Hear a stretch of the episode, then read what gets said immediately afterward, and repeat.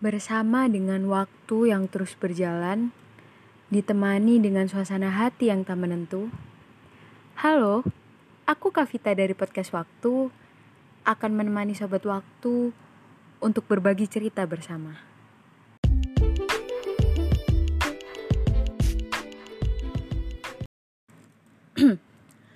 Pernah gak sih kepikiran kalau misalnya manusia itu paling gampang buat adaptasi dan nyesuaiin diri dalam kondisi apa pun ya, mau itu dari faktor lingkungan, mau itu dari faktor iklim, penyesuaian diri atau agama mungkin dalam hal apa pun deh manusia itu paling gampang buat adaptasi.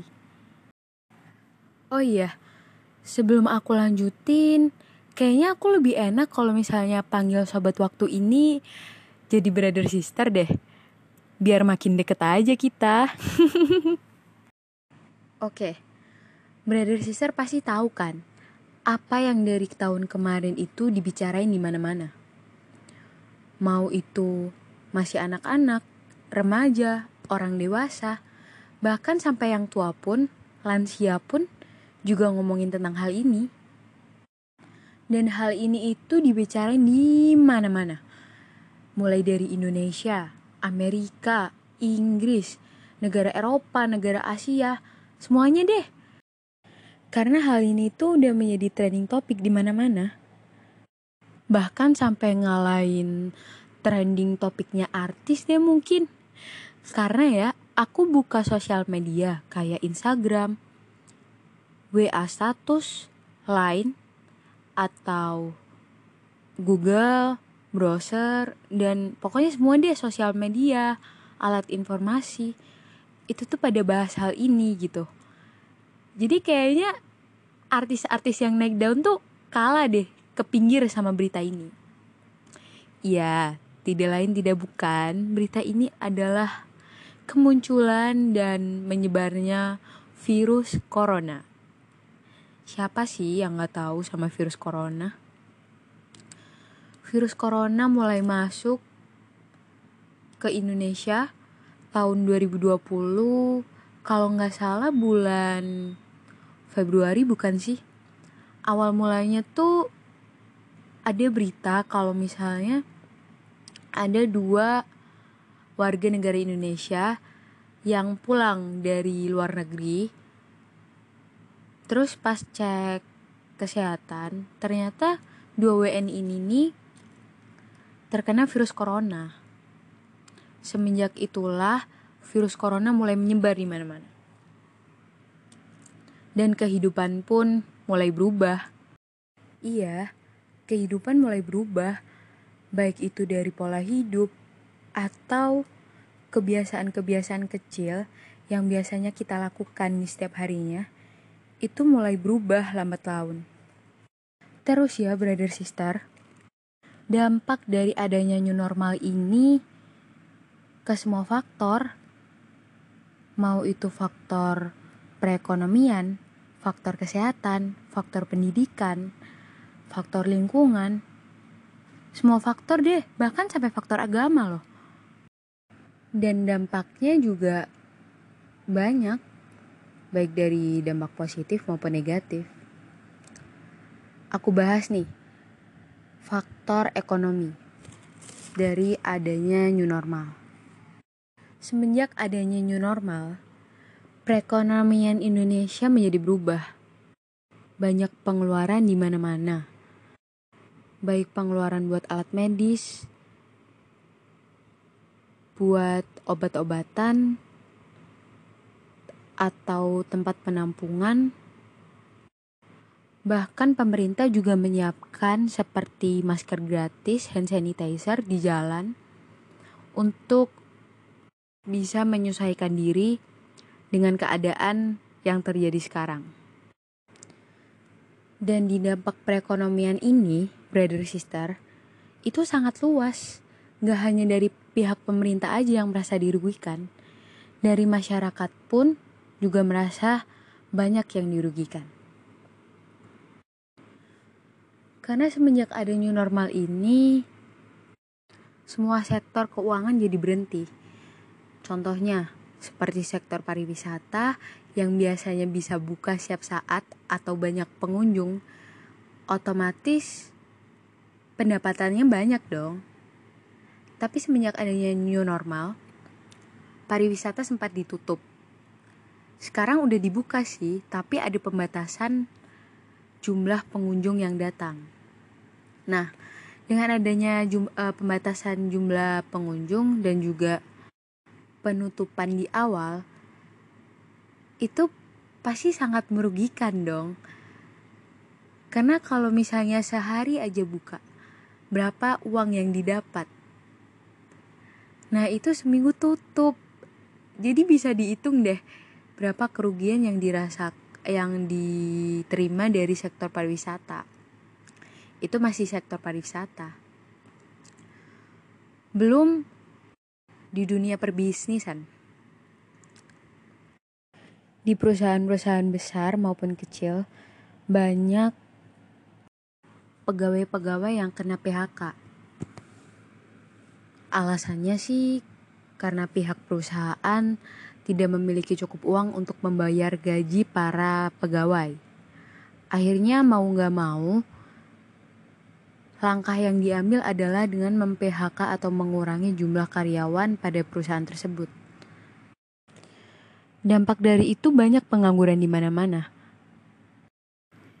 Jadi benar deh, awalnya itu bener-bener kondisi perekonomian di Indonesia itu kayak sangat kacau menurut aku. Karena yang biasanya itu semua berjalan normal sesuai rodanya. Istilahnya kalau misalnya kita udah kasih roda, kita gelindingin dikit, udah bisa jalan tuh semua. Tapi karena adanya new normal ada adaptasi baru semuanya itu jadi berubah. Kita harus menyusun roda baru menata ulang biar bisa jalan biar bisa tetap hidup dan bertahan dalam kondisi ini.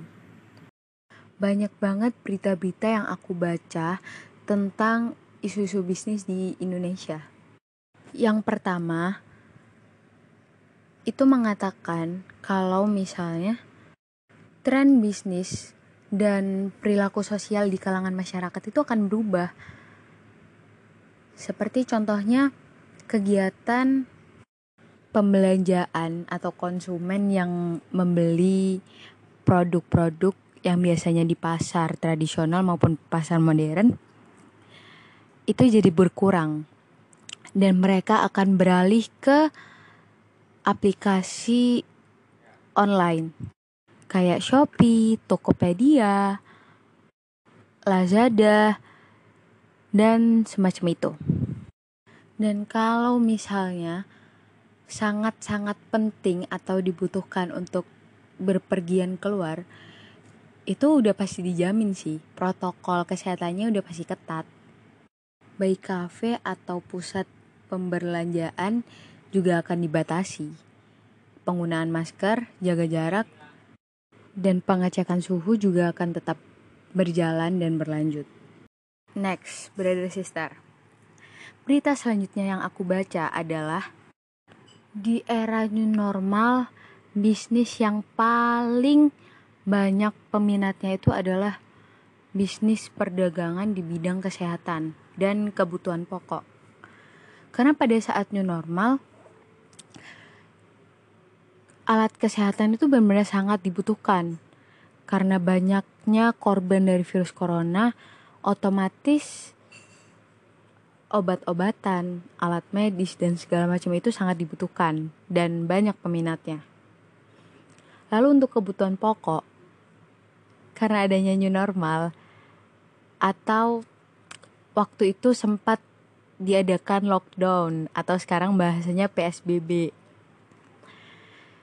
di mana orang-orang nggak bisa keluar.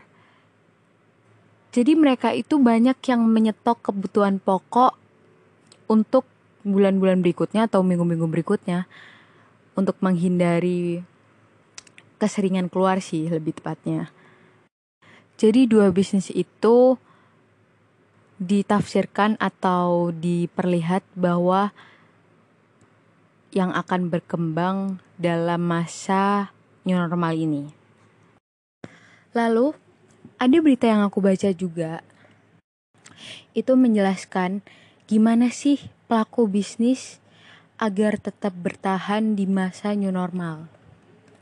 Di berita itu mengatakan bahwasannya kita akan terus berdampingan dengan virus corona sampai beberapa tahun ke depan karena tidak ada yang tahu kapan virus corona ini akan berakhir.